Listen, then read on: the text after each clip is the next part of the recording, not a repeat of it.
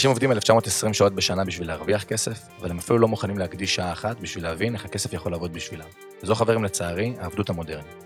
בפודקאסט זה, מפת החום, המטרה שלי היא לבוא ולהנגיש את כל הכלים הפיננסיים שיעזרו לכם לצאת מאותה עבדות מודרנית. בערך. מה נשמע חברים, ברוכים הבאים לפרק נוסף של פודקאסט אה, מפת החום. אז אה, כמו שאתם כבר יודעים, אה, הפודקאסט הזה נועד כדי לתת לכם שנייה איזושהי זווית מסוימת על הדרך שבה עסקים מתנהלים, השקעות מתנהלות, פיננסים. והרגשתי איזשהו פער אדיר בכל הפרקים שעשיתי עד עכשיו, שלא התייחסתי לאוכלוסיית העצמאים, פטור, מורשה וגם חברה, שאני הייתי חלק מהם, אני עד היום חלק מהם.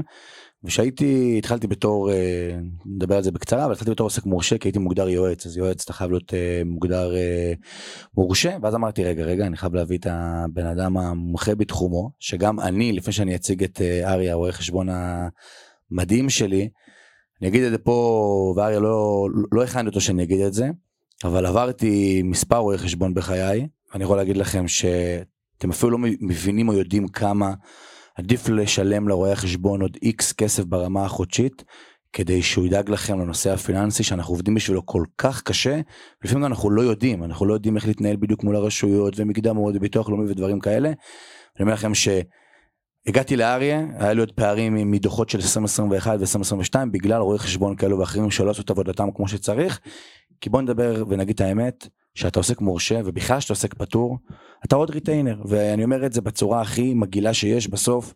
רואה חשבון צריך להחזיק משרד ותחשבו שאם אתם 100 לקוחות שמשלמים 300 שקל בחודש 400 שקל בחודש מה זה, זה, זה 40 אלף בחודש, זה, זה לא איזשהו סכום מטורף, והוא בכלל לא... טוב, אני יכול לדבר עוד הרבה.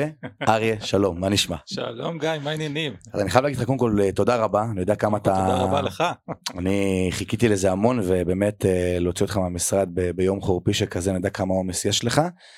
אה, בואו קצת תספר לקהל המאזינים מי אתה, מה אתה, מה הפעילות. אז אחרי ההתחלה הזאת, אה, אז ארי רותם, רואה חשבון, אה, אני כבר במקצוע מעל 20 שנה, המשרד שלנו נמצא בפתח תקווה, אנחנו מייצגים מעל לאלף לקוחות, עוסקים מורשים, עוסקים פטורים, חברות אה, וכמו שאמרת אנחנו באמת אה, דואגים לתת אה, יחס אישי לכל, לכל לקוח ולקוח. באמת כבר לא משנה אם הוא עוסק פטור עוסק מורשה או חברה בעם לתת לו את היחס האישי.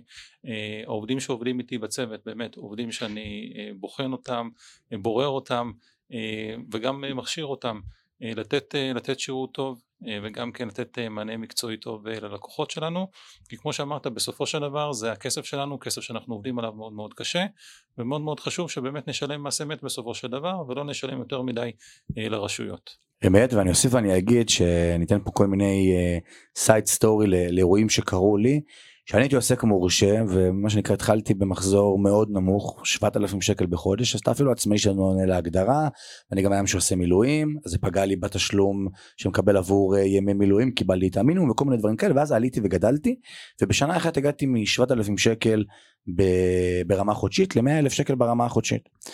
ומן הסתם מי כמוך יודע צריך להגדיל את המקדמות בצורה לגמרי, אגרסיבית. לגמרי לגמרי. ולא הגדילו את המקדמות ואז אתה פתאום מקבל הודעה מהעורך חשבון שלך לשעבר מן הסתם זה לא הודעה בארי ארי לא, לא יקבל הודעות כאלה רק אולי על החזרים אבל פתאום מקבל הודעה של תשמע בוא אתה צריך לשלם עוד 50 אלף שקל. עכשיו כשאתה בא לעוסק מורשה לא משנה אני ספציפית מתעסק בפיננסים יש לי עוד גב כלכלי שלי האישי אבל עסק שלא יודע לנהל את עצמו הוא נמצא באיזשהו פלונטר מסוים. השאלה שלי הראשונה אליך אה, ולא למען להשמיץ רואי חשבון אחרים בסוף כולנו קולגות במקצוע אבל איך אני בתור בעל עסק וזו שאלה אגב שעוז שאל אותי שמעתי לו שאתה מגיע שאני יודע שהרואה חשבון שלי לא עושה את עבודתו כמו שצריך.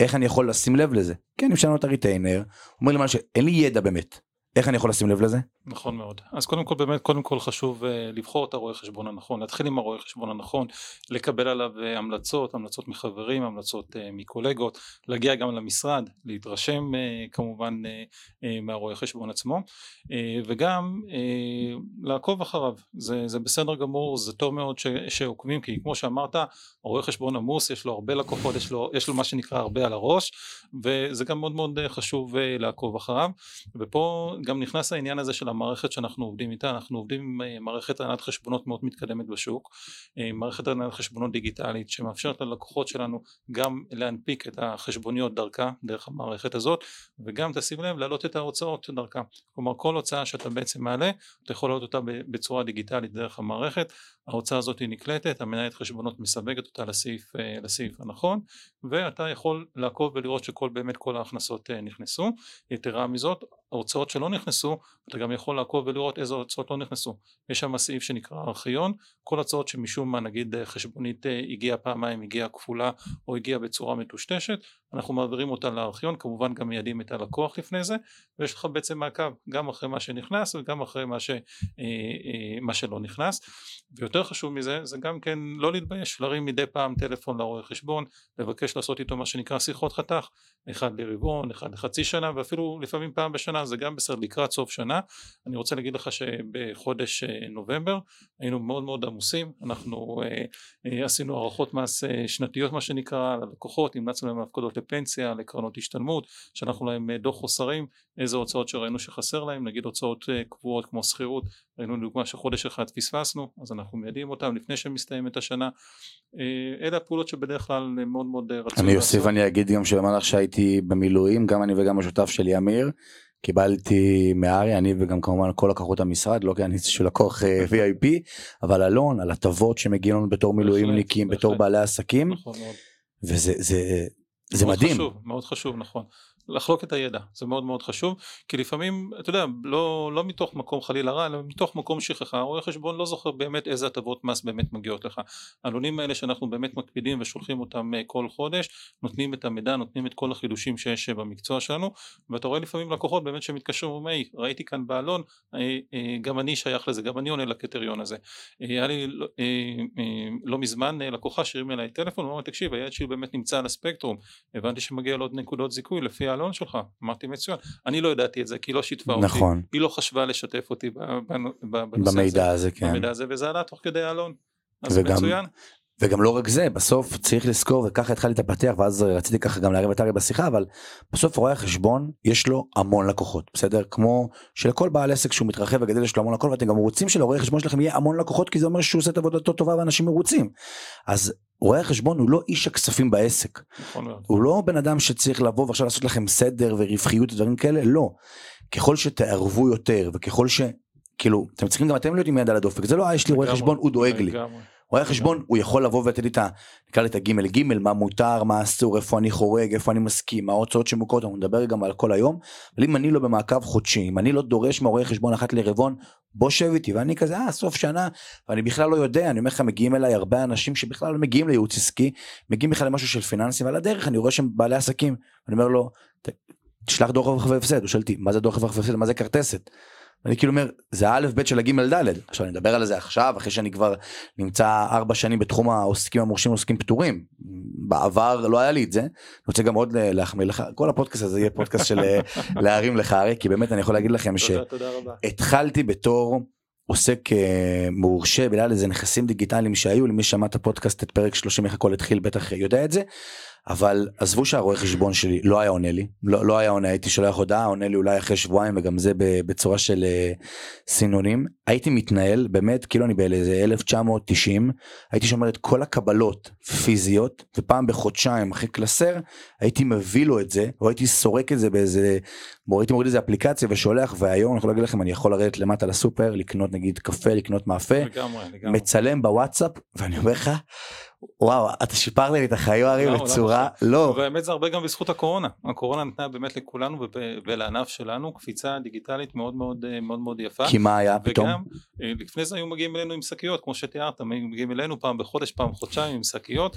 היום כמעט מעל 95% מהלקוחות שלנו עברו, עברו כבר אה, לניהול הדיגיטלי אז הנה אני שם לכם סעיף קטן. אם אתם מתנהלים עם רואה חשבון פטור מורשה והרואה חשבון שלכם לא עובד עם מערכת דיגיטלית זה נורא אפשר להגיד אדומה. לא אומר על טיב על טיב האיכות שלו, זאת אומרת על איך הוא מתנהל ברמה העסקית ואיך הוא מנגיש ללקוחות את הנוחיות בפעולות האלה. לגמרי. זה נקודה אדומה. אפרופו קפיצה דיגיטלית, גם במס הכנסה הם עשו את הקפיצה הדיגיטלית הזאת. ש? אם לפני הקורונה היינו ניגשים אליהם, היו לנו מה שנקרא יום של מייצגים או טלפון של מייצגים שהיינו מתקשרים אליהם, היום הכל דרך מערכת, אה, מערכת מייצגים, הם. אומרים לנו אל תבואו אלינו יותר, אתם רוצים משהו, תפתחו לנו, אה, תפתחו לנו מה שנקרא שאילתה ואנחנו נענה לכם, אפילו אל תבואו אלינו להגיש דוח, יותר דוחות, הכל תסרקו ותעלו לנו את זה דרך המערכת.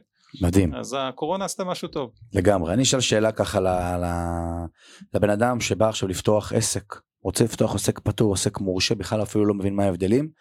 מה נקרא לזה עשרת הדיברות, חמשת הדיברות, כמה שיש לך, שהוא צריך לדעת, הדברים הבסיסיים ביותר, שהוא עכשיו יש לו רעיון לעסק, אומר אני צריך לפתוח עוסק. מה מכאן? מעולה. אז אה, קודם כל זה שיש רעיון זה מצוין כי יש נכון. כאלה לא אחת שבאים הם רוצים משהו אבל הם עדיין לא, לא סגורים על עצמם אז קודם כל באמת שיש רעיון אחד להיות ממוקד במטרה אחת זה מאוד מאוד חשוב כאלה שעושים גם וגם וגם וגם באיזשהו מקום הולכים שם הולכים שם לאיבוד תפסת מרובה לא תפסת. בדיוק יפה מאוד לכן להיות באמת ממוקדים בדבר אחד והשאלה הראשונה שאני תמיד שואל לקוח קודם כל מה התחום העיסוק שלך לראות באמת לאיזה, לאיזה ענף הוא עונה וכמה כמה הוא צופה הכנסות שצפויות להיות לו האם הוא צופה מעל 120 אלף שקל בשנה פחות מ-120 אלף שקל בשנה. אם זה מעל 120 אנחנו כמובן מתחילים והולכים לכיוון של העוסק אה, מורשה. אם זה פחות מ-120 אנחנו מתחילים בעצם בתור עוסק אה, פטור. אבל ה- ה- התקרה הזאת של ה-120 היא תקרה טכנית בלבד לא זה, לא זה באמת המבחן האמיתי. נכון. המבחן האמיתי שאנחנו צריכים באמת לעשות זה שני דברים למעשה אחד אה, מי הלקוחות שאתה עובד מולם? האם הם אה, מה שנקרא משקי בית או אה, חברות או גופים עסקיים? וכמה הוצאות צפויות לך? ככל שצפויות לך יותר הוצאות כדאי לך ללכת לכיוון של עוסק אה, מורשה כי אתה תקבל החזרים יותר גדולים של מע"מ. הייתה לי לא מזמן קוסמטיקאית שישבנו לפני שנתיים אני חושב ישבנו היא אמרה לי שהיא צופה משהו כמו אה, 5,000 שקל הכנסה בחודש. אז, אה, כל השיחה אה, זרמה לכיוון של עוסק פטור. נכון. ואז לקראת הסוף היא נזכרה לספר לי שהיא קונה איזה מכונת לייזר ב-300 אלף שקל. שרק על המכונה היא יכולה לקבל החזר מע"מ של 17% מתוך זה זה בערך 34 אלף שקל. אז לא כמובן נורמלי. שאנחנו בדיוק כמובן שהלכנו מיד לכיוון של העוסק מורשה כדי שנוכל כדי שהיא תוכל לקבל באמת את, ה, את ההחזר בגין, אה, בגין המכונה. אז הנושא של ההוצאות הוא מאוד מאוד מאוד חשוב. ככל שיש יותר הוצאות אה, שוכרים, אה, שוכרים משרד שוכרים קליניקה הוצאות פרסום הוצאות שיווק ככל שמשקיעים יותר בעסק כדאי ללכת לכיוון של עוסק מורשה. ככל שיש פחות, פחות הוצאות עובדים מהבית כדאי להתחיל בכיוון של, אה, של עוסק פטור. והדבר השני שהוא לא פחות חשוב זה מי, מי הקהל שמולו אתה עובד. אם אתה נגיד אה, מאמן כושר ואתה עובד מה שנקרא בגינות אה, גינות ציבוריות אין לך אתה לא שוכר לא שוכר מקום. סטודיו. לא צריך בדיוק לא צריך כן. לשכור סטודיו. והלקוחות שלך הם אנשים פרטיים שלא יכולים להזדכות על ההוצאות שלך. כלומר אם אתה נגיד מוציא להם קבלה על סך של אה, 100 שקל אם תהיה עוסק מורשה תצטרך להוציא להם 117 שקל להוסיף את המע"מ להיות יותר יקר. לקוח שלך לא יכול להתקזז על המע"מ נכון? אז במקרה הזה כדאי להיות עוסק אה, פטור כי אתה עובד מול אנשים, אה, אנשים פרטיים אבל אם אתה עובד מול עצמאים מול אה, חברות שיכולים להתקזז על המע"מ כדאי לך לשקול פעמיים אם לא כדאי לך להיות עוסק מורשה כי מצד אחד הלקוח אתה אמנם מוסיף לו את המע"מ אבל הלקוח מקבל את זה חזרה את המע"מ נכון. ומצד שני אתה מקבל מע"מ על ההוצאות שלך באמת, אני חייב להגיד פה שני דברים. אחד, שאני רואה אצלי בעסק ואני עובד לרוב מול אנשים פרטיים, אבל כשמגיע אליי בעל עסק, זה שהוא יודע שההוצאה שהוא משלם לי עבור תוכנית ההכשרה היא הוצאה מוכרת, מבחינתו הוא עשה, עשיתי לו הנחה של 17 אחוזים. יותר מזה כן, יותר גם, גם מזה. על גם, גם המס הכנסה נכון, אבל- לאומי מה שהוא רואה כאילו בכיס אחרי שבועיים, הוא בכלל אומר לעצמו, נכון. רגע, זה- הוא, הש... הוא, הוא בעצם לא רואה את ה-17% בדיוק, זה, זה נמצא לו מדהים. וכאילו אמרת פה טיפים שאני זוכר את עצמי אפילו לא חשבתי עליהם בתור, בהתחלה בתור אה, עוסק פטור מורשה, וגם השיח שלי עם הרבה מאוד אנשים בכלל לא חושבים על הכיוון הזה. זה מדהים. אני רוצה שנייה לשאול אותך אם זה, אם זה מיתוס או זה באמת נכון, כי הרבה אנשים אומרים, לא, אני לא, אני לא יכול לעבור למורשה, כי אני לא עומד ב... אני לא עובר את המאה ה-20 אלף שנתי. יש איזושהי מחויבות, אם עכשיו אני סתם, כמו שאמרת, מכניס 50 אבל מוציא 80, אני בכלל לא הפסד. אני עדיין יכול לעבור להיות מורשה? אה, קודם כל יש לנו בעיה טכנית. כלומר את ההחלטה הזאת צריך לקבל מה שנקרא רגע לפני שפותחים את התיק. כלומר צריך. בפגישת ייעוץ הראשונה עם הרואה חשבון פה צריך בעצם לקבל את ההחלטה. כי אם קיבלת את ההחלטה להיות עוסק אה, פטור ועכשיו אתה פתאום אה, רוצה יש לך הרבה הוצאות ואתה רוצה להתקזז עליהם חל שינוי בעסק ואתה רוצה לעבור להיות עוסק מורשה מה אני אגיד לך? רגע רגע בוא תראה לי את ההכנסות שלך בוא תראה לי שאתה מתקרב ל-120 אלף שקל. הבנתי. אם אתה לא מתקרב לתקרה תישאר, תמשיך להישאר עוסק. אבל אם עוסק בדיעבד פתח, כאילו מההתחלה פתחתי מורשה, הכל בסדר. הכל בסדר, נכון. עכשיו, מה זה הכל בסדר? אם פתחת עוסק מורשה ואתה רוצה אחרי זה בהמשך להיות עוסק אה, פטור, יש פה גם כן איזושהי מגבלה קטנה, אתה צריך שנתיים אה, אה, לא לעבור את התקרה של העוסק פטור, כלומר שנתיים להיות פחות מ-120 אלף שקל, ואז תוכל להגיש בקשה לחזור להיות, להיות עוסק, עוסק פטור. אני אשאל אותך עוד שאלה שלקוח שאל אותי לפני הקלטת הפרק הזה, לצורך הדוגמה אני עוסק מורשה שמרוויח עכשיו מחזור מכירות שלי החודשי הוא אזור ה-80 אלף שקל ואני חי מתוך העסק באזור, נשאר לי נקי אחרי הוצאות אחרי הכל נגיד 60. ועל ה-60 האלה אני משלם מס אבל אני חי מ-10. עכשיו אני אולי לא זכאי לעבור לחברה בע"מ, אבל השאלה האם ברמה המקצועית הנכונה כן שווה לעבור לחברה בע"מ כדי שישלם מס של 23% ולא יעבור את תקרת המס. יפה מאוד, יפה מאוד. אז קודם כל הייתי רוצה ללכת אה, צעד אחורה ברשותך ולהסביר לצופים שלנו שקודם כל איך בעצם המס מחושב. המס מחושב גם לעצמאים וגם לחברות על הרווח. כלומר ב- ב- בסופו של דבר המחזור הוא פחות מעניין, הוא אומנם חשוב להרבה דברים אבל הוא פחות מעניין. מה שבסופו של דבר עליו משלמים את המס זה הרווח. הרווח זה הכנסות פחות הוצאות. כלומר אם נגיד לדוגמה אני מרוויח בחודש 100 אלף שקל ויש לי הוצאות של 20 אלף שקל הרווח שלי הוא 80 אלף שקל ועל זה אני משלם. ועל זה אני משלם מס. וזה לא משנה אם אני חברה או שאני אה, עצמאי על ה-80 אלף שקל אני גם ביטוח לאומי משלם על ה-80 ולא על ה-100 נכון מאוד בדיוק. סבבה. אז קודם כל יש פה חשיבות מאוד מאוד גדולה לנושא של ההוצאות. ככל שאנחנו מגייסים יותר הוצאות אנחנו יכולים להפחית את הרווח שלנו ופועל יוצא מזה לשלם, אה, לשלם אה, פחות מיסים. בואו נשאר בנתוני הדוגמה הזאת שאני ברווח של 80 אלף שקל בחודש. כמו שאמרת נכון חברה כמה שזה נשמע מפחיד גדול חברה בע"מ חברה משלמת בסך הכל 23% מס. זה כל מה שהיא משלמת. היא, היא לא משלמת גם ביטוח לאומי אלא אך ורק 23% מס חברות. עצמאי לעומת זה יש מה שנקרא מדרגות מס מדרגות מס מתחילות מ-10% עוברים ל-14, 20, 31, 35, 47 ויש גם מס יסף מה שנקרא ויכול להגיע ל-50. שזה נקרא מס עשירים בשפת העם. בדיוק. מי שמרוויח 80 אלף שקל כבר מגיע למס, למס עשירים והוא צריך לשלם, הוא בעצם בסופו של דבר מגיע למס שולי של 50 שזה המון המון המון. המון. ולכן פה באמת כדאי אם נגיד לדוגמה מתוך ה-80 אלף שקל אתה יכול להסתפק נגיד ממשכורת של 20 אלף שקל אתה יכול למשוך משכורת של 20 אלף שקל לשלם על המשכורת הזאת רק 20 אחוז מס ואת כל, ה, ואת כל ה-60 אלף שקל שנשארו לך בעצם נשאיר אותם בעצם בתוך החברה ולשלם עליהם גם כן 23 אחוז מס. במקרה אחר שהיית נשאר נגיד להיות עצמאי ומושך בעצם כל הרווח היה עובר אליך על כל ה-80 אלף היית משלם 50 אחוז. יש לך פה חיסכון מאוד מאוד יפה. מאוד משמעותי בעניין המיסוי. מאוד מאוד משמעותי של 24 אחוז לגמרי. שאני כאילו וזו החלטה שאפשר לקבל באופן עצמאי. כלומר אתה לא צריך אה, כדי לקבל כדי להפוך להיות חברה בעם אתה זו החלטה שאתה החלטה כלכלית שאתה מקבל אותה ואתה פותח את החברה ופשוט מעביר את כל ההכנסות לתוך החברה. הבנתי. שעל הנייר אם אני עכשיו בתור עצמאי אני כאילו צריך להתייחס לשורת הרווח כאילו אני שכיר שזה הברוטו שלי. בדיוק, שעליו נכון. אני משלם את המס הכנסה, נכון, ביטוח נכון, לאומי, נכון, כל הדברים האלה. נכון. אם, אם אה, שכיר בעצם משלם על הברוטו שלו אין לו בעצם הוצאות שהוא יכול לנקות אותן. נכון. אז הוא משלם בעצם על, ה, על הברוטו. עצמאי לעומת זה יש לו את הברוטו שלו שזה ההכנסות ומתוכו אנחנו בעצם אה, אה, מנקים מכאן את כל ההוצאות המוכרות. הבנתי זה העניין. אבל... דרך אגב מה זה מנקים מאיפה זה מגיע מנקים איך כותבים מנקים? עם, עם כף. מה זה אומר? אמא שלך מורה נכון? כן זה סגנית מנהל בית ספר לא יודע. מה זה אומר מנקים? לא יודע. מלשון נכה. שאתה הופך אותו בעצם לחסר אתה מנקה ממנו אתה הופך אותו לחסר כלומר אתה לוקח את הברוטו מנקה ואז אתה נשאר עם, ה, עם הנטו מה שנקרא. היה שווה להקליט את הפרק הזה אני כבר למדתי משהו פינה, פינה בעברית לגמרי לגמרי פינה בעברית אז זאת אומרת ש... אבל אני אשאל אותך שאלה כזאת כי המאזינים פה גם אוהבים קצת ג'וס אני בעיקרון יכול מחר בן אדם לפתוח חברה בעם כי היום בעידן המדיה החברתית הרבה אנשים אומרים אני בעל חברה. נכון. צריך להבין שבעל חברה סליחה כל אידיוט יכול לפתוח יש לך תעודת זהות אתה מעל גיל 16 אה, נכון זה, זה החוק אני יכול לפתוח חברה בעם. נכון, וגם... זה שזה לא כדאי ברמה הכלכלית, אתה נכון, מפסיד גם תשלום נכון. רואה חשבון עולה לך וגם דברים כאלה, נכון, זה נכון. כבר בעיה אחרת. נכון. אבל על הנייר. אפשר לפתוח כל אחד חברה. כל אחד יכול לפתוח חברה לגמרי, השאלה אם זה באמת אה, כדאי והאם זה באמת אה, כלכלי. אם אתה פותח חברה ואתה מרוויח רק אה, 20 אה, 20 אלף שקל בחודש, אין לזה שום כדאיות כן. כלכלית. יש כאלה האמת שפותחים את החברה בגלל ה, מה שנקרא המסך שיש בין בעלי המניות לחברה, מסך משפטי. כן. שברמת העיקרון החברה היא בעצם ישות בפני עצמה, ישות משפטית בפני עצמה, היא מקבלת מספר ח"פ, ממש כמו תעודת זהות, אבל החברה היא זאת שמתקשרת, היא זאת שחותמת על חוזים, היא זאת שפותחת את החשבון בנק, החשבון בנק הוא לא על שם בעלי מניות של החברה, אלא על שם החברה עצמה. ואני כאילו בעל המניות, אני כאילו הבעלים של החברה, אבל נכון. החברה היא כאילו לא על שמי, משמע ישות לא, היא משפטית. היא על שמך.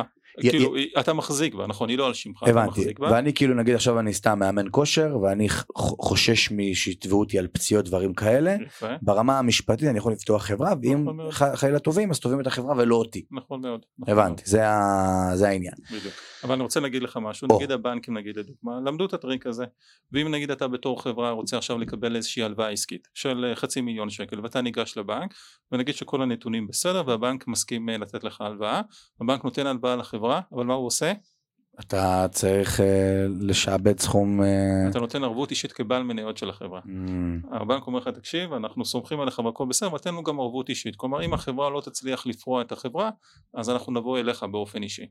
הסיפור הזה של ערבות אישית הוא באמת נמנע הוא, הוא, בא בעצם למנוע מכל מיני אנשים אתה יודע לעשות כל מיני דברים קומבינות. לא כל כך כל, כל, כל, בדיוק, כל מיני קומבינות אני אגיד את זה. בשפה בשפה שלי אבל נגיד ניקח דוגמה אנחנו שומעים לאחרונה הרבה אנשים שדווקא חושבים שזה איזשהו טריק. בוא נפתח חברה אני אקח הרבה מאוד חובות על החברה ואז אני כביכול ממש לפשוט לא, רגל לא. אבל ככה אני אתן דוגמה אה, מאמנת כושר בסדר? שלאחרונה פשטה את הרגל סיפור ידוע אני, כמובן לא אגיד השם אבל המבין יבין והטיפש ינחש. אה, בפועל על הנייר זה נראה כאילו היא חיה חיים פרטיים משלה והחברה פשטה את הרגל בעיה של מה מה מה הסיפור קודם כל זו שאלה כמובן כמובן שאלה משפטית ולא לא, לא כל כך שאלה חשבונאית. חשבונאית אבל ברמת עיקרון בתי המשפט עושים מה שנקרא הרמת מסך ואם באמת כל הפעולות האלה נועדו אה, באמת אה, נעשו שלא בתום לב יכולים להגיע אליה באופן אישי למרות החברה מה. שנקרא הרמת מסך. שאלה אני עכשיו עוסק אה, פטור עוסק מורשה בחברה כמו שאמרת אני מחויב לפתוח חשבון בנק נפרד. הרבה מאוד אני מכיר עוסקים מורשים עוסקים פטורים שמתנהלים אותו חשבון בנק האישי הזה. נכון. ברמת ההיכרות שלך עם המון בעלי עסקים. כן. זו התנהלות נכונה לא נכונה? אתה בתור רואה חשבון היית ממליץ להפריד את חשבונות הבנק? זהו זה מאוד מאוד תלוי. אה, אם אה, מדובר בין אם זה עוסק פטור ובין אם זה עוסק מורשה קודם כל אני אומר ללקוח מה שנוח לך. כלומר אם נוח לך באמת לעשות את ההפרדה הזאת תעשה. זה מבורך אה, אין עם זה שום בעיה. מבחינת החוק גם עוסק, גם עוסק מורשה וכמובן גם עוסק פטור לא חייבים לפתוח חשבון בנק נפרד. רק אה, חברה או שותפות חייבים לפתוח אה, נכון. חשבון בנק נפרד. עכשיו אה, במה זה באמת תלוי? זה תלוי באופי של העסק אם אתה נגיד לדוגמה אה, מישהו שעובד בעצם מהבית נגיד אה, אה, מתרגם שעובד אה, כל מה שצריך זה איזשהו מחשב פינת עבודה בבית אין נכון. לו כמעט הוצאות אין לו שכירות אין לו שום דבר לא משלם לעובדים לא משלם כלום. אני אומר אפשר, אפשר ואפילו כדאי לנהל את הכל דרך חשבון אחד כי רוב ההוצאות הן הוצאות אה, פרטיות בסופו של דבר. אין כאן הוצאות שאפשר באמת אה, להצביע עליהן ולומר זה הוצאה שאגב הוצאה גם עסקית. אותן אני יכול להכיר חלקן. בוודאי גם אם זה ירד מהחשבון ארנונה חשמל דברים לגמרי. כאלה. לגמרי כבר- לגמרי. כבר נגיע לזה. נכון. ואם נגיד עכשיו מדריכת פילאטי ששוכרת סטודיו בדיוק, ככל שיש לך, יש יותר הוצאות, וההוצאות האלה הן הוצאות ישירות של העסק, כמו שכירות אה, של סטודיו, פרסום, עובדים, קבלני משנה, ככל שיש יותר הוצאות, כדאי לפתוח חשבון בנק נפרד, בהחלט. מדהים הסיבה שאני אומר לא לפתוח מההתחלה חשבון, כי אם אתה פותח חשבון בנק אה, אה, נוסף וחשבון בנק עסקי, העמלות שהבנק גובה ממך הן עמלות אה, גבוהות יותר. נכון ואז אני אגיד פה טריק אה, נקרא לזה אפור זה אתה יכול להגיד. שאני אומר ללקוחות פשוט תפתחו עוד חשבון בנק אישי אל תקראו לו עסקי כי הבנק ברגע שקראת עסקי הוא אומר אה יש לי פה דג שמן בוא ניקח ממנו גם כשאני הייתי מורשה היה לי עוד חשבון בנק שהוא היה נקרא חשבון אישי. אה, עוסק מורשה שיש לו המון המון המון על הראש חברה יש חשבונאות כפולה ויש המון גם נקרא לזה וידוא מצד הרואה חשבון עצמו. אבל בתור עוסק מורשה כמו שאמרתי בהתחלה אני מכיר המון אנשים שלחתי לרואה חשבון אחת לחודשיים הוא אמר לי מה לעשות והכל.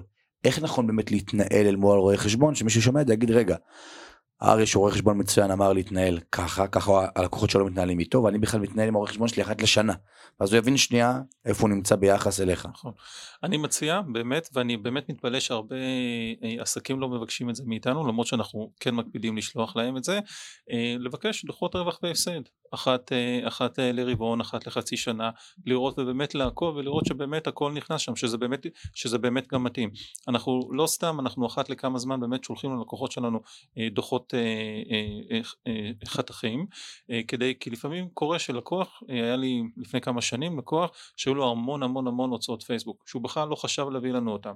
וכשאנחנו באנו ושיקפנו לו במהלך השנה את הרווח הוא אמר רגע מה עם כל ההוצאות פייסבוק שלי? זה לא באמת הרווח שלי. ואז תוך כדי זה עלינו שיש לנו כאן עוד עוד הוצאות שבכלל לא התחשבנו בהן. אז מאוד מאוד חשוב וכדאי גם לכל לכל בעל עסק לבקש מרואה חשבון דוחות uh, תקופתיים או להוציא בעצמכם דרך התוכנות המתקדמות ובאמת לעקוב ולראות שהרווח באמת משקף את מה שקורה במציאות. כי בסופו של דבר uh, אף אחד לא מכיר את העסק שלכם כמו שאתם בעצם מכירים אותו. אז uh, מאוד מאוד מאוד חשוב. ואני אוסיף אפילו ואני אגיד שאני ממליץ מאוד באמת לשבת ולפרק וזה גם השאלה הבאה שלי אליך ואני גם רואה שעוז רוצה להגיד משהו אז אני גם אשמח לשמוע את עוז. שאלת העורך. כן. האמת שאהלן. האמת שיש לי שאלה ככה פשוטה שבטח אה, האנשים ששומעים אותך עולה להם פתאום השאלה הזאת איך אני בכלל עובר מרואה חשבון לרואה חשבון אחר עכשיו אני רואה שמעתי אותך נהניתי מהדברים שלך אתה נשמע לי אמין זה שגיא הביא אותך זה בכלל די נגמר הסיפור פה למעשה אבל אם אני רוצה לעבור מהרואה חשבון שלי אליך מה אני צריך להגיד לו, איך אני צריך לעשות את זה, מה צריך, לק... איך, איך בדיוק עושים את זה בצורה שהיא גם אה, אה, נכונה ויפה וגם לא אה, מעליבה. לצורך. לא לשרוף את הקשרים. כן. שאלה, שאלה מצוינת. האמת זה הרבה יותר פשוט ממה, ש, ממה שזה אה, נדמה, אה, כי את כל המעבר בעצם הרואה חשבון החדש בעצם מבצע. אה, מה שאתם צריכים בעצם בתור לקוחות זה להרים טלפון לרואה חשבון הנוכחי, להודיע לו שאתם עוזבים, להיפרד כמובן אה, בצורה, בצורה יפה. אם יש איזה שהם אה, חובות או תשלומים שעדיין לא שולמו כמובן אה, להסדיר אותם, ומפה הרואה חשבון החדש בעצם לוקח את המושכות, הוא יוצר קשר עם הרואה חשבון החדש, אה, הוא אה, שולח לכם ייפויי כוח חדשים, דואג שהכל יעבוד כמו שצריך, זה כבר עובר להיות בתחום האחריות של הרואה חשבון, אנחנו גם שולחים שליח לקחת את החומר באופן פיזי מהרואה חשבון הקודם הכל הרואה חשבון אני, החדש. אני גם אעשה לכם אה, אנלוגיה לעולם ההשקעות, כמו שאתם עכשיו מבקשים לעבור בית השקעות מנגיד מיטב לאקסלנס, אז אתם אומרים לאקסלנס והם מתנהלים מול מיטב. נכון. כאילו ואז עזבו שבאמת, כמו שעוז אמר, יש לך קשר אישי מן הסתם הרואה חשבון שאתה לא רוצה להגיד לו יאללה ביי אני הולך, אתה צריך לסיים את זה יפה, ותשמע אני רואה שהדברים לא מתקדמים, 15 דברים שונים, אבל ההתנהלות עצמו, גם כשאני עברתי והייתי חברה אצל רואה חשבון א', עברתי לאריה. הכל הייתה בהתנהלות, לא, לא נראה לי אפילו, אמרתי לאריה אני רוצה לעבור וזהו, אז עברתי, נגמר האירוע. אז אני אומר, אני גם ממליץ פה, ב, ב, בהמשך למה שאמרתי מקודם, לכל עוסק פטור מורשה, לשבת אחת לרבעון, אחת לחודש, כמו שאריה אמר, לבקש מהרואה חשבון את הדוח רווח והפסד ואת הכרטסת שלו, כרטסת זה פשוט מראה לכם את התתי סעיפים בדוח רווח והפסד של רווח גולמי, רווח תפעולי, על מה הוא יוצא, לוודא איתכם יש איזושהי הוצאה גדולה שלא נכנסה, או שהעורך חשבון לא הכיר, או שחשבתם שהוא יכיר והוא לא הכיר, ואז שאלו אותו, תשמע למה לא הכרת, אולי הוא צריך, זה נקרא בשפה מקצועית, אם אני לא טועה, לצבוע את זה בצורה נכונה, ואז גם להבין מה הברוטו שלכם, כי הרבה בעלי עסקים, הם אומרים, אה, אני מכניס 15-20 בחודש. לא, זה המחזור שלך, אחי. זה לא, זה לא מה שאתה מכניס. אתה, כאילו, אתה מכניס את זה, אבל כשאתה מדבר עם בן אדם פרטי, הוא אומר, אה, זה המשכורת שלו. לא, זה המחזור שלך, ואז הרבה פעמים אתה, אתה כאילו, אתה, אתה, אתה לא לומד איך לעשות את, ההבדלים. יותר מזה, יש כאלה שאומרים, אני מרוויח 15-20 אלף שקל בחודש, אבל ה-20-15 זה כולל מע"מ. אז דבר ראשון זה קודם כל תוריד נכון. את המע"מ, דבר ראשון. בדיוק, ואז אני רואה שפתאום אנשים שהם 15-20 הם חושבים שהם מרוויחים, הם גם חיים לפי רמת הכנסה של 15-20 ובפועל הברוטו שלהם שעל זה משלמים מס זה 9 כי כמו שאמרת ה-15 זה כולל מע"מ נכון, וזה כולל משרדים וזה כולל פרסום בפייסבוק וזה כולל רואי חשבון וזה כולל המון המון דברים ואז בפועל נשאר לו אחרי כל ההוצאות רווח נקי לפני מס 9 נכון, אז נכון. פתאום הוא כזה מה? אני מרוויח תשע? עדיף להיות ברמן, כזה. אז לעשות סדר בדברים האלה וזה חשוב מאוד, ואם דיברנו על רווחיות, במילה מההסתכלות שלך, רווח גולמי, תפעולי, איך נכון לסווג את זה בתור uh, בעל עסק? אני מוכר, סתם נותן שירות או מוכר מוצר ב-100 שקל. יפה. אז קודם כל יש לנו את הרווח הגולמי, הרווח הגולמי, אם אין לך קודם כל רווח גולמי, תסגרו את העסק, זה דבר ראשון. זה נכון. אם נגיד לדוגמה אתם אה, מוכרים איזשהו אה, מוצר מסוים, הוא עלה לכם 50 שקלים, אתם אמורים למכור אותו נגיד ב-100 שקלים, להרוויח 50 שקלים מה, מהסיפור הזה. אם אתם קונים ב-50 ומוכרים ב-40, אז יש לכם מה שנקרא הפסד, הפסד גולמי, ופה כמובן אין כדאיות. אז דבר ראשון זה קודם כל רווח גולמי. אין רווח גולמי, אין לנו בעצם על מה לדבר. שאני אוסיף הרבה פעמים, אם אתה באמת מוכר מוצר וזה קל כזה, מכרתי עט, קניתי בארבע, מכרתי בחמש, אז זה סבבה, אבל הרבה אנשים לפעמים, כמו שדיברת על הקוסמטיקאית, אני עושה טיפול, אבל הטיפול נמשך למשך שמונה טיפולים וכל טיפול עולה לה 30 שקל ואז היא מכרה את הטיפול בכלל ב-200 שקל אבל היא מוציאה על זה נגיד 270 לגמרי לגמרי. סבבה? אז הרווח הגולמי הוא נתון מאוד מאוד חשוב בלי רווח גולמי אין לנו בעצם על מה, מה לדבר. אחרי זה אנחנו בעצם מגיעים לרווח התפעולי. הרווח התפעולי זה בעצם כל שאר ההוצאות שהן בעצם מסביב, כמו שכירות, תשלום לעובדים, פרסום, שיווק, הנהלת חשבונות, כל אלה הם, הם הוצאות מה שנקרא הנהלה, הנהלה וכלליות, ואחרי שאנחנו מפחיתים מהרווח הגולמי את הוצאות הנהלה וכלליות, אנחנו מגיעים לרווח התפעולי, שזה בעצם הרווח השוטף שיש לנו מהעסק. מזה אנחנו אה, מורידים אה, תשלומים בגין אה, ריביות בגין החזרי, החזרי הלוואות, פחתים, ואז אנחנו בעצם מגיעים לרווח הנקי. הרווח הנקי זה בעצם הרווח שעליו אנחנו בסופו של דבר משלמים את המס. זה השורה הסופית, שזה בעצם הרווח אה, שאיתו אנחנו, אה, אה, עליו אנחנו בעצם מצהירים כרווח, כרווח חודשי או רווח שנתי, ועליו אנחנו משלמים הן למס הכנסה והן לביטוח לאומי. שאם זה נשמע לכם מאוד מסובך לעשות את זה, ברגע שביקשתם מתוך רווח והפסד, כבר רשום לכם. הכל מסודר שם. רווח, הכנסה, מחי... הכנסה חייבת, משהו נכון כזה, שזה, שזה כביכול מה שאמרת, הרווח הנקי לפני מס. נכון מאוד. עכשיו מצד שני אל תיבהלו, כי לפעמים הרבה עסקים מכניסים את הארנונה של הבית שלהם כשליש, כי הם עובדים יעני באיזשהו חדר, או את החשמל, את הטלפון הסלולרי, שמשמש להם את הפרטי, נכון. אבל הם מכניסו לעסקי. שזה לכן, בסדר, זה לגיטימי. שזה מעולה. ולפעמים יכולים להיבהל, להגיד, מה? הכנסתי רק 70 אלף ב-12 חודשים, כאילו אני פחות משכר המינימום, אבל לא, כי אתם הכנסתם את הטלפון הנייד שהוא האישי שלכם, כהוצאה לעסק, כי הרואה חשבון שלכם הוא כמו שצריך. נכון מאוד. מה ההבדל בין חשבונית עסקה, חשבונית מס, חשבונית מס קבלה, מה, מה קורה שם עם כל השמות האלה? אז בוא נלך עוד יותר, בוא, בוא נדבר גם על הצעת מחיר. על הצעת מחיר, יאללה. אחלה, אז בוא נתחיל. יש למעשה חמישה שלבים. השלב הראשון זה הצעת מחיר. הצעת מחיר זה שאתה בא, ניגש אליי, שואל אותי, ארי, כמה יעלה השירות, אני יכול לתת לך הצעת מחיר בעל פה, לשלוח לך אותו בוואטסאפ, באימייל, איך, מה איך, שאני רוצה. איך שאנחנו רוצים, לא מחייב שום דבר מבחינת רשויות אה, המס. השלב השני זה אה, אחרי שניהלנו גם כן איזשהו משא ומתן, אמרת יאללה אני רוצה להתחיל לעבוד איתך. כמה יעלה לי אה, עבודה עבודה איתך? בוא נגיד אה, ניקח אה, שיפוצניק. נגיד הוא אומר כל העבודה בסופו של דבר סגרנו על 50 אלף שקל. בזה הרגע רוב העסקים ושים לב יש הרבה עסקים שחייבים לעשות את זה ולא עושים את זה חייבים להוציא מה שנקרא הזמנות עבודה.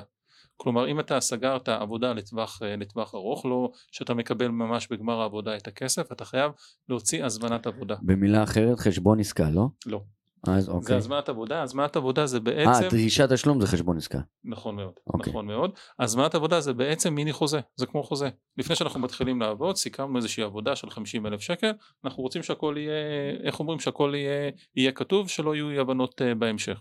סבבה. ואז אנחנו צריכים להוציא מה שנקרא הזמנת עבודה, או הסכם חתום בין שני הצדדים. זה שלב uh, חובה, 90% מבעלי העסקים חייבים לעשות את זה, מרביתם לצערנו לא עושים את זה. אז הזמנת עבודה זה מרכיב מאוד מאוד אה, חשוב, במיוחד עם עבודות לזמן ארוך. לצורך הדוגמה, אני פה סוחר אה, מעוז אה, שעות הקלטות באולפן, אז בפעם הראשונה שבאתי אליו הוא הביא לי איזושהי הצעת מחיר, הסכמתי לה, רגע לפי שאני משלם לו כביכול, הוא צריך להוציא לי בדיוק. את הזמנת עבודה. קבעת איתו להיום? לצורך הדוגמה, כן. פה, פה הוא צריך בעצם להוציא כבר הזמנת עבודה להיום. בעצם לרשום את זה שזה מה, שזה מה שצפוי להיות, שהוא הולך בעצם לקבל כסף עבור יום השידורים הזה. שהמסמך הזה הוא נותן לי מה? עוד לפני שהוא קיבל בעצם את הכסף. המסמך הזה בעצם לך הוא לא נותן כלום. זיכרון דברים. אבל, בדיוק, אבל הוא נותן למס הכנסה בעצם, הוא כלי למעקב למס הכנסה. מס הכנסה, חלק מהבדיקות שהוא עושה, שהוא עושה ביקורות, הוא בעצם משווה את החשבוניות מס שיצאו לעומת הזמנות העבודה. הוא בודק באמת, אם נגיד יצאה הזמנת עבודה על סכום של 2,000 שקלים ובפועל יצאה חשבונית מס רק של 500 שקלים אז הוא שואל מה קרה כאן? יכול להיות באמת בתום לב אה, שכחת להוציא חשבוניות?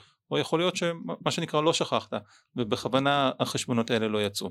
אז זה בעצם כלי מעקב למס הכנסה באמת לבדוק שכל, ה, שכל, ה, אה, שכל ההכנסות באמת אה, דווחו בסופו של דבר. מי שעובד עם גופים ממשלתיים יכול לראות שזה בדיוק התהליך מה שהוא אומר ואז ככה אתה רואה שזה הנכון ובאמת אפשר להגיד 90 אחוז לא עושים את זה. הייתי אפילו אומר 99 אחוז מהאנשים לא עושים את זה. כן, אריך פרגן. אחרי הזמנת עבודה מה השלב. הבא? עד עכשיו לא קיבלת כסף, נכון. השלב הבא זה בעצם שאתה בעצם עשית את העבודה, כלומר התחלת לעשות את העבודה וסיימת את העבודה ואתה רוצה לקבל את הכסף או שהגעת לאבן דרך ב, אה, אה, בעבודה ואתה רוצה לקבל את הכסף אז אתה יכול להרים לי טלפון להגיד לי אריה מה קורה עם המקדמה שהבטחת לי עם העשרת אלפים שקל הנה סיימתי לך פה מגיע לי אה, חמשת אלפים שקל אתה יכול להרים לי טלפון לשלוח לי וואטסאפ לשלוח לי מייל או להוציא מה שנקרא דרישת תשלום או חשבון עסקה שזה בעצם בקשה באופן, אה, באופן רשמי לקבל את הכסף. סבבה. בדרך כלל ביום יום לא מוציאים אלא אם כמו שעוז אמר אם עובדים מול, אה, אה, מול גופים מוסדיים או חברות, חברות גדולות בדרך כלל הם דורשים שיוציאו להם חשבון עסקה או דרישת תשלום לבקש את הכסף באופן ישיר כי גם בדרך כלל בגופים כאלה זה שאתה עובד מולו ונותן לו את השירות הוא לא זה שמשלם לך את הכסף. נכון, יכול להיות שזה קבלן חיצוני או דברים כאלה. בדיוק, לכן הם מבקשים בעצם דרישת תשלום, יש מישהו שבודק אותו, רואה שזה בסדר, תואם לחוזה, ואז בעצם מעבירים לך בעצם את הכסף. סבבה. עכשיו כשמעבירים לך את הכסף, יש לנו כאן בעצם עוד שני שלבים, יש לנו שלב של קבלה, חשבונית מס או חשבונית מס קבלה. או, יפה. זה החלק המעניין. מה, מה ההבדל ביניהם? אני לא יודע. קבלה אומר קיבלתי, חשבונית מס אומר נפרע. ש- ש- שבו ש- ב- שמה- בשפת שמה זה העם. אומר? בוא נחזור לעולם, אה, לעולם של פעם, של צ'קים. או. נגיד אני עכשיו צריך להעביר לך עשרת אלפים שקל, ואני מעביר לך, נותן לך עכשיו אה, צ'ק, אני אומר לך, קח גיא, קח את הצ'ק הזה, והצ'ק הזה הוא לעוד זה שבוע. הקבלה בעצם. בדיוק. נתתי לך צ'ק לעוד שבוע, מה אתה מוציא לי? קבלה. נכון. למה קבלה? כי עדיין זה לא נפרע. כי קיבלת את הצ'ק. בדיוק, כי קיבלת, בדיוק. כי קודם כל קיבלת, אז אתה צריך להוציא לי, להוציא לי, להוציא לי קבלה. סבבה. אחרי שאתה הולך ואתה פורע את הצ'ק, ואתה יכול לחכות עוד שלושה ימים לראות שהצ'ק באמת נפרע, אתה מוציא לי חשבונית מס. ואז אני יכול גם להוציא לך חשבונית מס קבלה. אה, נכון, אתה יכול להוציא לי גם חשבונית, עכשיו, אה, אה, לא בדיוק נכון. או, תדייק אותי. את החשבונית מס אתה מוציא לי כאשר הכסף נפרע. עכשיו מה זה חשבונית מס קבלה? בעולם של היום כמעט ולא עובדים בצ'קים למעשה, נכון. ולמעשה זה הרוב זה בעצם בהעברות בנקאיות. אז אם אני מבצע לך העברה בנקאית, אתה צריך... גם אתה- קיבלת וגם נפרע. מעולה, נכון? גם קיבלת וגם נפרע, אז במקום להוציא גם קבלה וגם חשבונית מס, אנחנו מאחדים את זה לשלב אחד ומוצאים חשבונית מס קבלה. הבנתי. שבעצם מבטא את שניהם ביחד, את תודה. שתי הפעולות. תודה רבה על ההסבר, אני למדתי בכיף. מאוד. שאלה לי אליך, מקדמות מס הכנסה, אה, על בסיס מה מחשבים את זה, איך החישוב עובד מאחורי הקלעים, מעניין. ושאלה ככה נקרא לזה של המאזין, שלמה אני צריך לשלם את זה כל חודש, בוא אני אשלם את זה פעם בשנה, עזוב אותי, לא, לא, ש- לא בריא, לא בריא. מעולה. בוא תסביר למה, איך זה מחושב, ולמה עדיף לשלם את זה מראש, או אפילו עדיף לשלם טיפה יותר. לגמרי. ספר קצת אה. מהמבט שלך. אה, המע"מ שעוסקים מורשים משלמים פעם בחודשיים, החישוב הוא חישוב מדויק. אנחנו לוקחים את ההכנסות במדויק, לוקחים את ההוצאות במדויק ומחשבים כמה מע"מ צריך לשלם או לקבל החזר. נכון. לגבי מס הכנסה וביטוח לאומי, בשניהם אנחנו בעצם מדברים אה, לא בתשלומים אה, אה, סופיים אלא במקדמות. והמקדמה כשמה כן היא זה בעצם תשלום משוער על חשבון המס הסופי. אה, כל בעל עסק חייב להגיש בסופו של דבר דוח שנתי ובדוח נכון. השנתי בעצם אנחנו יודעים בדיוק מה הייתה ההכנסה הסופית שלך וכמה מס סופי אתה אמור לשלם. כדי לא להגיע למצב שאנחנו מגיעים לסוף שנה ובו אנחנו פתאום צריכים לשים ארגזים מה שנקרא לשלם איזה 20 אלף שקל למס הכנסה עוד 30 לביטוח לאומי.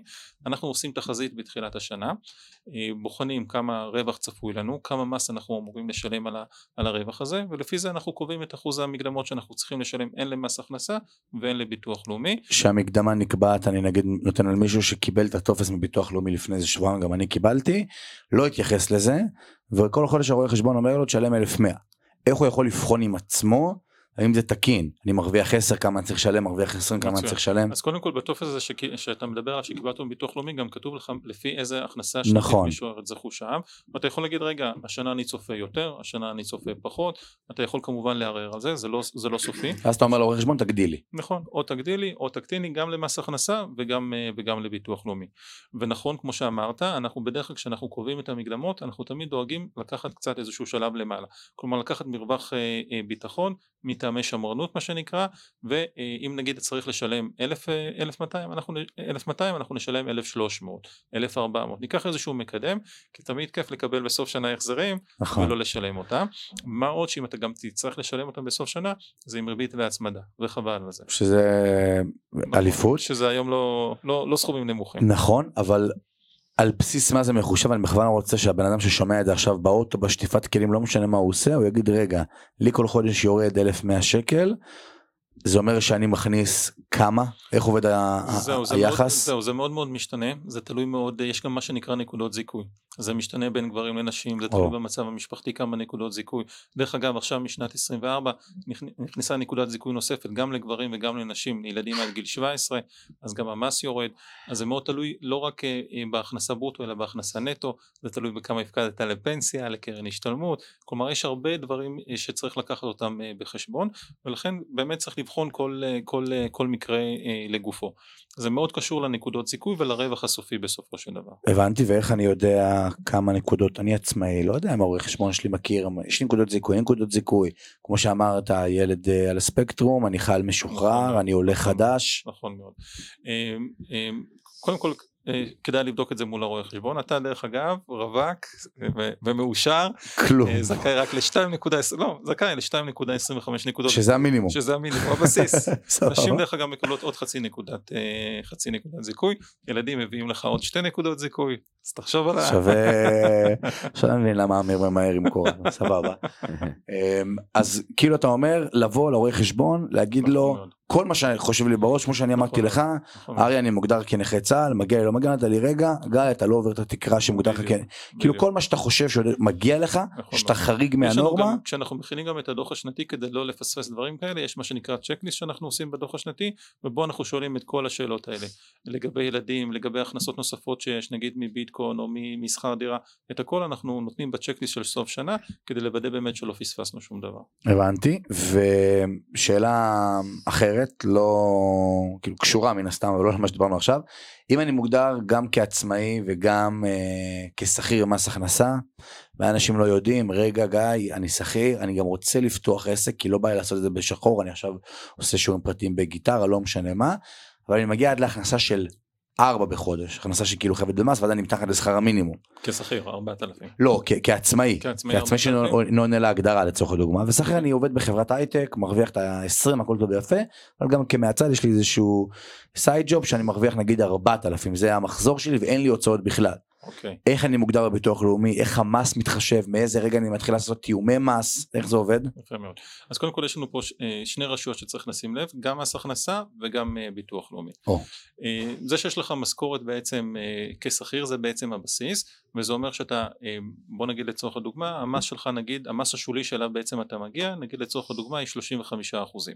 זה אומר שעל כל שקל רווח שלך בתור עצמאי, אתה הולך לשלם למס הכנסה 35 אחוזים. כי אני בשכיר מוגדר שכיר, 35 אחוזים. בדיוק, כי אתה שכיר עם הכנסה או, גבוהה. חשוב לדעת. נכון, לגמרי.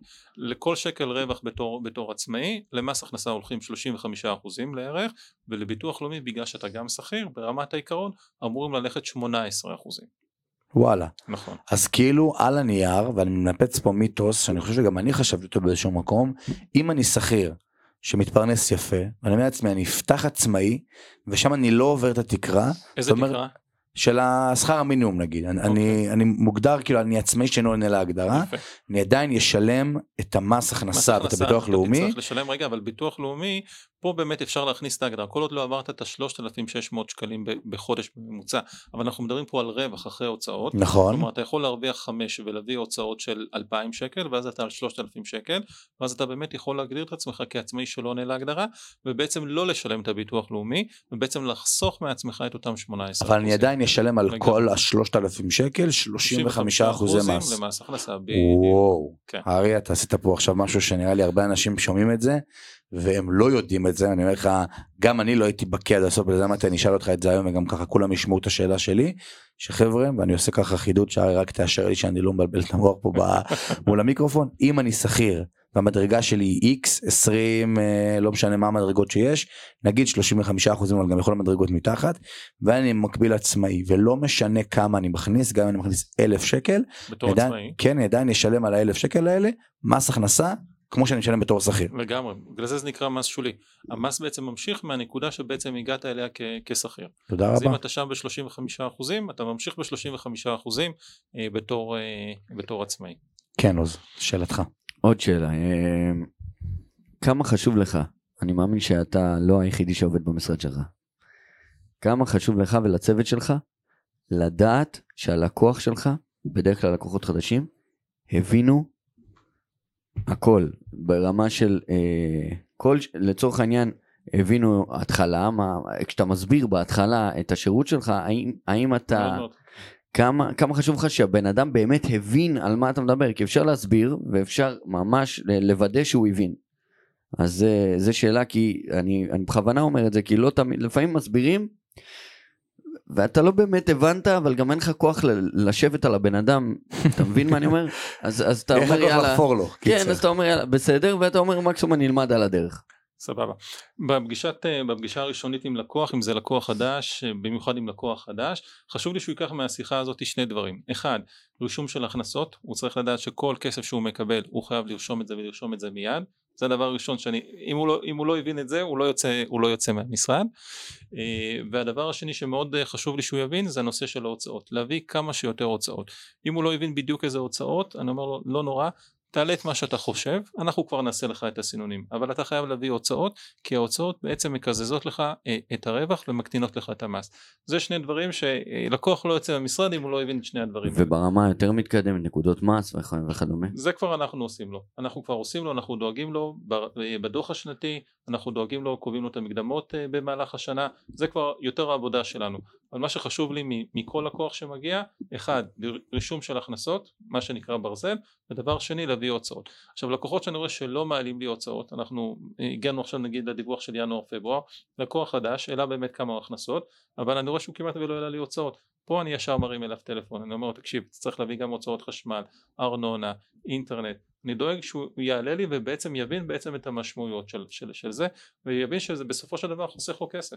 אני יכול גם להגיד לכם אה, שכחלק מהלקוחות שמגיעים אז אתה יודע שואלים אותי תגיד אה, איך הרואה חשבון שלך איך זה כי אני גם מספר על אריה לא מעט במדיה החברתית ו- והיו כמה חבר'ה ש- שכבר עברו לאריה והפידבקים שאני קיבלתי זה היה כזה תשמע כאילו זה, זה זהב כאילו בהתנהלות ביחס ולפעמים זה הדברים הקטנים גם כי באמת אני אומר הרואה חשבון ש...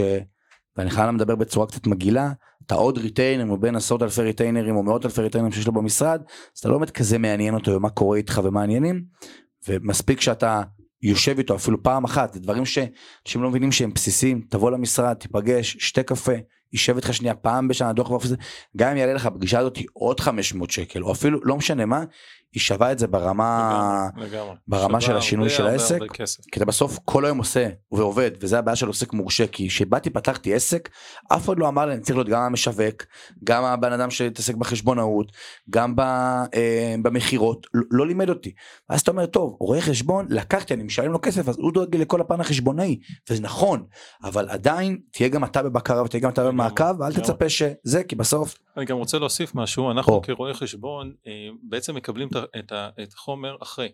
כלומר אנחנו לא נמצאים בזמן אמת, נכון. אנחנו בעצם מקבלים, אנחנו בעצם עוברים על הדוח של, על, על, על הדוח של הלקוחות שלנו בעצם בדרך כלל פעם בחודשיים, אבל זה כבר אחרי שהפעולות קרו, אחרי שכבר קיבלת את ההכנסה, אחרי כבר, אחרי כבר ששילמת בעצם את ההוצאה, אנחנו לא נמצאים שם, אה, מתוך הגדרה לא נמצאים שם מזמן אמת, אנחנו גם לא אמורים להיות שם בזמן נכון. אמת, לכן מי שנמצא שם בזמן אמת בכל רגע ורגע זה בעצם בעל העסק, לכן מאוד מאוד חשוב שהוא יבין את העקרונות הבסיסיים, שידע גם כן לקבל ביום יום את ההחלטה הנכונה. וזה פגישת כי לצ- ייעוץ אחת, בדיוק. והוא מבין את זה. כי באמת, לצורך אה, הדוגמה יכול לקנות uh, טלפון ואין לו זמן כי הוא בעל עסק מורשה ואז הוא אומר לאמא שלו "מה, אתה מעבר לכסף לכי תקני יד והיא לא מבינה מה המשמעויות והיא הולכת לחנות uh, סלולר וקונה טלפון והחשבונית אומרת שואלת על מי ואז הוא אומר שים נכון. עליי לא משנה מה. או שבכלל לא מבקש את החשבון. או שבכלל לא מבקש- ואז לכו תרדפו אחרי החנות סלולר שקניתם. בחולון נכון. על חשבונית שתהיה על שמכם או 15 או דברים שמביאה שונים. רק את הקבלה ולא את החשבונית מס. ואנחנו כבר מבינים מה ההבדלים בין הדברים.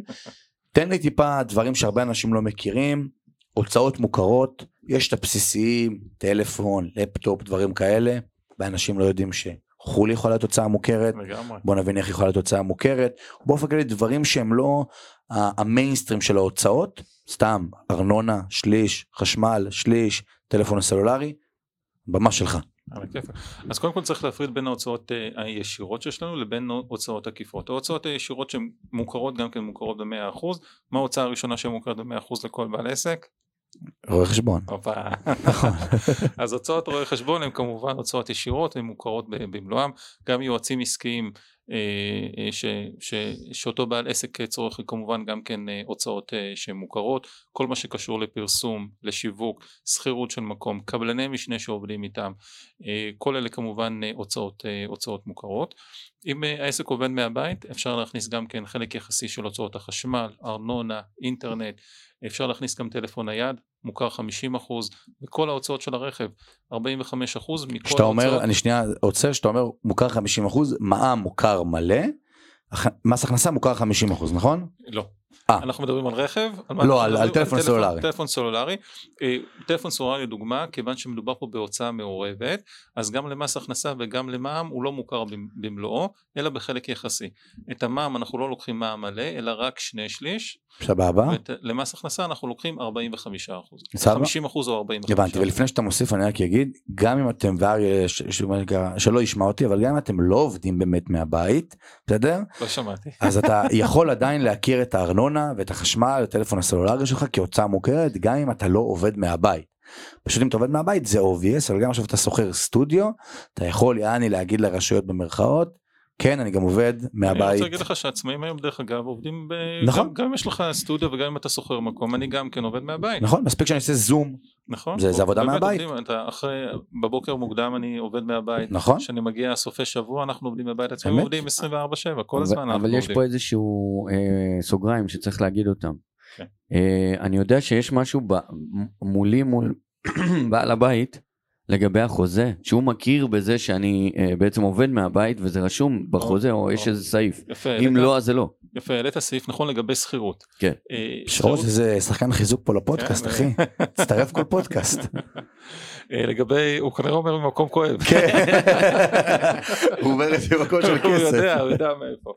אה, לגבי שכירות, אמרנו שהארנונה מוכר חלק יחסי, חשמל מוכר אה, חלק יחסי, אבל מה קורה באמת אם אתה עובד מהבית, מה קורה עם השכירות, האם זה באמת מוכר או לא מוכר. אם אתה, אם אתה שוכר משרד, אז כמובן זה מוכר ב-100%. נכון. אה, אתה מקבל גם חשבונית, הכל מוכר. מה קורה אם אתה עובד מהבית? לצערנו הרב השכירות לא מוכרת. וגם אם תשימו לב, ולזה זה כנראה אתה גם כן אה, מתכוון, בחוזה שכירות בין הסעיפים הראשונים תמיד רשום שם שהדירה מושכרת למטרות מגורים אה, בלבד. מה שאומר שזה שבעצם משכיר יכול ליהנות בעצם ממסלול הפטור, כלומר לא לשלם מס על ההכנסות שלו מהשכרה, או במסלול אה, מס מופחת של 10% מס בלבד, אבל זה כל עוד הדירה מושכרת למטרות, אה, למטרות מגורים. ברגע כי- שהיא כבר לא מושכרת למטרות מגורים, נו. הוא בעצם מאבד את הפטור הזה ואת ההקלה הזאת. ואז הוא צריך לשלם מס כאילו זה הכנסה. בדיוק. בדיוק, במס. נכון מאוד. אז ולכן הם מאוד מאוד אה, מקפידים, בעלי, בעלי הדירות בכל חוזה התקלימה תראה זה שהדירה מושכרת למטרות מגורים בלבד, ואתה כ- כסוחר לא יכול להתקזז על זה. מבחינת, אז, אז אני בא לבעל הבית ואומר לו תשנה את זה? אה, אתה יכול להגיד לו, אבל המשמעות הוא- הוא לרוב מבחינתו- לא יסכים. לא, כי זה אומר שהוא חייב עכשיו לשלם על כל ההכנסה הזאתי מס רגיל. כאילו זו הכנסה רגילה. נכון אז. לא כדאי לו. אני יכול להגיד לכם שעכשיו אני במסע חיפושים אחרי משרד, ואני התייאשתי ממש, ואז באתי לאריה ושאלתי אותו, אני יכול לקחת דירה ולהכיר אותה, ואז הוא אמר לי, לא. אם בעל הדירה יסכים שכל העשרת אלפים שקלים שאתה רוצה לשלם היא תהיה עכשיו אה, לצורכי זה נדל"ן מסחרי אז סבבה אבל הוא, הוא לא יעשה את זה כי אז הוא מפסיד כסף בדיוק. על כל הדבר הזה נכון מאוד. מעולה תן עכשיו הוצאות שהם דיברנו על ההוצאות שמוכרות במלואן ידעת שמתנה לרואה חשבון שלך פעם בשנה מוכרת? אה, אמיר אתה אני מקווה שאתה שומע את הדבר הזה אה, תן לי עוד עוד הוצאות אפשר באמת לתת לו לא רק לרואה חשבון לכל ללקוח ספק קולגות עד 240 שקל בשנה קלנדרית מתנה שהיא בעצם אתה יכול אה, להצהיר עליה והיא בעצם אה, גם כן כאילו הוצאה ביימי כזה. כן כן הוצאה הוצאה מוכרת לא לצורכי מע"מ אלא רק אה, לצורכי לצורכי מס הכנסה. משהו נחמד. שאתה גם יכול בתכלס אם אנחנו מדברים פה על uh, עניינים לתת גם לך את המתנה הזאת כביכול ואז אתה סבבה. המבין יבין ואני לא אמשיך פה כי אני לא אעשה את הפודקאסט הזה חי תן לי אבל עוד הוצאות נגיד טיסה לחו"ל איך אני יכול להכיר הוצאה טיסה לחו"ל? טיסות לחו"ל גם כן מוכרות אם שוב פעם אנחנו צריכים לבוא ולהוכיח שבאמת הם קשורים אה, לעסק. אם אתה נוסע לחו"ל אה, לצורך אה, כנס אה, הרצאה לראות תערוכה בחו"ל אנחנו יכולים להכיר לך בהוצאות האלה. הוצאות טיסה הלוך חזור ימי אשל בתי, בית המלון אפילו הוצאות רכב אנחנו יכולים רק להכיר במס לך. הכנסה. כן במס הכנסה ולביטוח לאומי לא במע"מ כי על כרטיסי טיסה אין לנו נכון. אין לנו מע"מ וגם כן על כל ההוצאות בחו"ל אי אפשר, אי אפשר להזדכות במע"מ ואם כן עושים טקס פרי ואז כזה כולם נכון. נהנים מה- מהדבר הזה. שכאילו אני היום טס לחו"ל לצורך הדוגמה אני יכול בתור עוסק בתור חברה נדבר פה כזה, אני יכול לטוס לצורכי פנאי ובילוי, אבל אני אקנה אה, כרטיס לתצוגה, לתערוכה, למשהו כזה, ואז אני יכול להכיר את ההוצאות האלה, כמובן לא שלי ושל הבת זוג שלי, לא שלי ושל החבר, רק שלי כהוצאות מוכרות, נכון? בוא נספר את הסיפור הזה הפוך. בוא נספר שאתה נוסע למטרות הארוחה. ועל הדרך גם אני נופש. ועל הדרך אתה גם נופש. סבבה? זה הסיפור הנכון. נכון, אתה, מדייק אותי, אין מה לעשות. עוד הוצאות שהרבה אנשים, בוא ככה נעשה איזשהו 2-3 הוצאות שהם כמו טיסה לחו"ל, שלכל מי שאני אומר לו את זה, הוא כזה אומר לי, כיבוד? קל בבית העסק מוכר? מוכר? מוכר? שתגדיר כיבוד קל נגיד? כיבוד קל בבית העסק, אה, זה אומר אה, קפה, קפה, עוגיות. הפירו רושה שיש לנו כאן שקורץ לי כל הזמן הזה. שאלה, גם הש... פירות וירקות דרך אגב אה, מוכרים. וואלה, שאלה ש... ש- שתי שאלות שאנשים ככה רצו לשאול, בגדים, מוכר לא מוכר, פעם אמרו לי עורך חשבון הקודם שזה מוכר אם אתה שם את הלוגו שלך מאחורה וזה בגדי עבודה. מה המיתוס? או מה, מה הסיפור? אה, ההוראות אה, קובעות שביגוד אה, מוכר אם חייבים אותו לפי חוק ויש דוגמאות בהוראות כמו גלימה לעורך דין חלוק לרופא או בגד כמו שאמרת נכון יש עליו את הלוגו של העסק.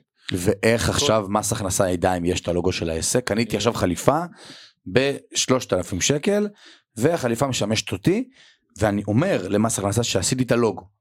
בעיקרון זו הוצאה מוכרת נכון? אה, סביר להניח שעל חליפה לא עשית את הלוגו סביר להניח אבל אבל אה, במקרים כאלה נגיד לדוגמה אתה משתתף באיזושהי הרצאה ולצורך ההרצאה קנית חליפה אה, או שכל עשית איזשהו משהו של פרסום ולצורך זה באמת אתה, אתה, אתה צריך לקנות ביגוד שבאמת הוא, הוא קשור לעסק אפשר להכניס את זה. כלומר כל אנחנו מראים פה בעצם קשר קשר ישיר ומדובר פה באמת בבגדים שמשמשים אותנו באמת לצורכי העבודה. ביום יום אני לא הולך עם חליפות אני נכון. רציתי את זה רק לצורך, ה, לצורך השידור הזה, לצורך, ה, לצורך ההרצאה הזאת. גם בגדי ספורט של מאמן כושר לצורך הדוגמה. בגדי ספורט של מאמני כושר אפשר להכיר בהם כי זה באמת יכול עונה לנו בעצם על אה, הגדרה של בגדי עבודה במקרה של מאמן כושר. אז כל בעל. עסק יגיד שהוא רוצה ללכת להרצאות, וככה הוא יקנה את החליפות שלו. לא, אתה אל אתה תספר צריך את זה ככה. אתה צריך, ל- כשאתה הולך לנפוש בחו"ל לצורכי עבודה אז כבר קנית על הדרך חליפה. אתה הולך לעבוד בחו"ל, כשאתה הולך לעבוד בחו"ל. לא ליהנות זה שעל הדרך. היית בבטן גב במיקונוס. זה, זה בין העבודה שלך בחדר במלון. איזה עוד הוצאות אה, מוכרות יש נגיד רכב איך זה עובד? רכב אה, כמו שאמרנו 45% מוכר לצורכי מס הכנסה שרכב זה אומר גם כן הטיפולים השוטפים שיש לרכב, ביטוחים, תיקונים וגם גם את הפחת אפשר אה, להכניס גם אם היום פתחתם את העסק וקניתם נגיד את הרכב לפני שנתיים אנחנו יכולים אה, לקבל מכם בעצם הצהרה כמה הרכב שווה נגיד לראשון לראשון 24 נגיד הוא שווה 70 אלף שקל לומר ולהצהיר שהוא משמש גם כן למטרות עבודה ואנחנו יכולים לקחת על ה-70 אלף שקל האלה פחת למשך, אה, למשך שבע שנים וואלה מעניין. באופן כללי אני גם מצרף פה בתחתית הקישור אה, לפרק אה, מי שלא יודע אריה מעבר להיותו רואה חשבון מצוין גם יש לו אתר אינטרנט שמסביר את כל הדברים שהוא אמר ואני ממש אצרף לכם גם קישור של כל ההוצאות המוכרות יש שם טבלה מסודרת אחוזים מה מוכר איך מוכר פה הכל הכל הכל. תן לי עוד דברים ככה לסיום שאנשים ששומעים מסר לא, כבר הגענו לסיום זה כבר עברה אתה מכיר את הבדיחה הזאת על הרואה חשבון שמישהי שהיא אה, מגיעה לרופא שלה והוא אומר תקשיבי נשאר לך חצי- עוד חצי שנה אה, לחיות. אומרת לו אז מה אני אעשה? הוא אומר לה תתחתני עם רואה חשבון. היא שואלת אותו וזה יעזור לך? הוא אומר לה לא אבל הזמן יעבור הרבה יותר לאט. אז אני רואה שאצלנו הזמן עבר די מהר. הזמן עבר אה, מאוד מהר תן לי אבל איזשהו ככה לא יודע מסר טיפ דברים שאתה רוצה לפני שאני ככה אסכם ואני אחמיא לך שוב פעם. לבעלי עסקים פטורים מורשים חברות תהיו על המספרים מאוד מאוד מאוד חשוב תהיו על המספרים תבקשו לראות אה, דוחות תיכנסו לאפליקציות הדיגיטליות שיש היום ממש בלחיצת כפתור תוך כמה אה, אה, קליקים אתם יכולים לראות את מצב העסק שלכם את מצב ההכנסות את מצב ההוצאות לראות שבאמת הכל הכל נרשם הכל מופיע שם ויותר מזה אתם גם יכולים לראות כמה גם מס אה, צפוי להיות לכם בדיווח הקרוב. יש היום באמת אפליקציות מאוד מאוד מתקדמות לרואה חשבון כדאי מאוד מאוד לנצל אותם אני יודע שהרבה עסקים משתמש, מעלים לשם את, ה, את ההוצאות, הם מפיקים אה, דרכם את החשבוניות, אבל לא באמת משתמשים בכל, ה, בכל האופציות. כל. הפיצ'רים כל אז הדברים אני מאוד ממליץ, תהיו על המספרים, זה טוב לכולם. אז- ויחסוך לכם הרבה בתשלומים. לגמרי אני גם רוצה להגיד ואני אתחיל ככה במשפט אה, שאני תמיד אומר ועכשיו אני אתן אותו ככה בקונוטציה אחרת אבל אה, אנשים עובדים 1920 שעות בשנה כדי להרוויח כסף, והם אפילו לא מקדישים שעה אחת כדי להבין איך הכסף יכול לעבוד בשבילם. עכשיו, אני מתעסק בנושא הזה, בנושא הפיננסי והפנסיוני ו- ושוק ההון, בכל הקשור למי דמי ניהול קופות קרנות, מסלולים מותאמים, לאיך אני עושה כסף משוק ההון. אה, ואיך אני לוקח את הכסף שאני מייצר בתור בעל עסק, בתור עצמאי, בתור אה, שכיר, ואני עושה ממנו יותר כסף. אני חושב שרגע לפני, אם אני בעל עסק או, או, או עצמאי, אחד, אחד מהשניים, רגע לפני שאני דואג לנקסט לבל שזה להשקיע את הכסף בוא נבין שכמה שיותר ונבדוק ונוודא שכמה שיותר כסף נשאר בכיס שלי באמצעות התאמות נכונות. אני חייב להגיד שלמדתי מהפודקאסט הזה הרבה ואני מאושר שלפני אה, שנה בערך עברתי עברתי לאריה אחרי שני רואי חשבון שאני יכול להגיד באמת לא עשו את עבודתם בצורה מלאה שיש ויצרו לי פערים הן ברמה התזרימית והן ברמת ניהול העסק ואנחנו בתור בעלי עסקים שגם ככה כל היום עושים הכל מהכל בסדר אני קורא לזה הקוף בעסק מהשיווק לפרסום אה, למכירות לגייס עובדים ללא משנה מה אה, לדבר עם ספקים. אני חייב שהמקום הזה יהיה אצלי בראש שקט ולפעמים אני רואה הרבה מאוד אה, גם בעלי עסקים שאומרים מה אתה, אתה משלם לרואה חשבון את הסכום הזה ואני אומר חבר'ה בסוף אל תצפו מרואה חשבון שאתם משלמים לו 300 שקל בחודש 250 שקל בחודש בתור עוסקים מורשים או 90-80 שקל בתור אה, עוסקים פטורים או 1,000 שקל שנתי לא משנה מה שאתם עוד אחד מבין 200 תחשבו שהוא צריך 200 אנשים כדי להחזיק משרד בצורה נאותה ועוד אפילו בלי בלי לקנות אספרסו ולצפות שייתן לכם את best. אז כן עדיף לפעמים לשלם את העוד 100 150 200 שקל בחודש ולשלם אחת לחצי שנה פגישה עם הרואה חשבון שיקדיש לי שעתיים מהעלות שלו כי הם על איכות משלמים וכל האנשים שמנסים והנה אני ניסיתי בהתחלה שאתה עוסק ואתה לא מכניס הרבה מאוד כסף אז אני רוצה את הרואה חשבון שלוקח לי 100 שקל בחודש כי אני צריך את ההוצאה הזאתי על הראש שלי אה, שגם ככה אני לא מבין בדברים האלה ולא עושה שום דבר. ואז זה יוצר פערים ולמדתי לאורך כל השנים שלי במה שאני עושה. שאתם רואים אני מדבר מדם ליבי. שמחפש זול משלם ביוקר. בדיוק שהזול הוא היקר כי אני משלם פה 100 ופה 100 ופה 100 במקום לשלם מלכתחילה 300 שקל ולסיים את הכאב ראש הזה. אני אומר לכם שכל הפרק הזה לא נועד, ב... הוא, לא נוצר במקום של רק להחמיא ולהרים לארי, אבל אני באמת אומר מה, מהלב שלי, מה שמתעסק בזה, שאין, כאילו, לאמץ לעצמך ספקים שיבצעו את העבודה בצורה הטובה ביותר, זה הדבר החשוב ביותר, וארי זה ה-the כאילו, אני רץ איתו עכשיו 80 שנה, אריה תחיה עד גיל 200, זה, זאת הרמה ואני באמת, אני מאושר, וזה, ואתם לא מבינים גם כמה מהעם הזה עסוק, זה שהוא הקדיש מה, מהזמן שלו לבוא מפתח תקווה לראשון לציון להקליט את הפרק הזה, זה באמת כי הוא מבין כמה זה חשוב לי וכמה גם חשוב אה, לכם.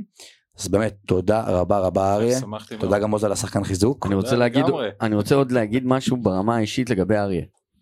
באמת, זה שוב אני קצת אה, אה, כאילו לא אובייקטיבי שמדובר בגיא, והוא הביא אותך, אבל אני חייב להגיד לך, ולא באמת, אני בן אדם של, אה, של בן אישי, מאוד חשוב לי.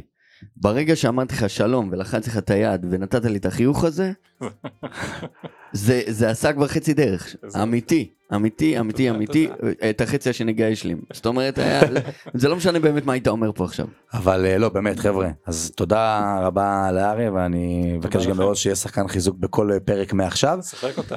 ובעיקר תודה לכם שהקשבתם לעוד אה, פרק של מפת החון, ניפגש פה שבוע הבא באותו יום, באותה שעה, שיהיה לכם המשך יום מקסים. תודה רבה.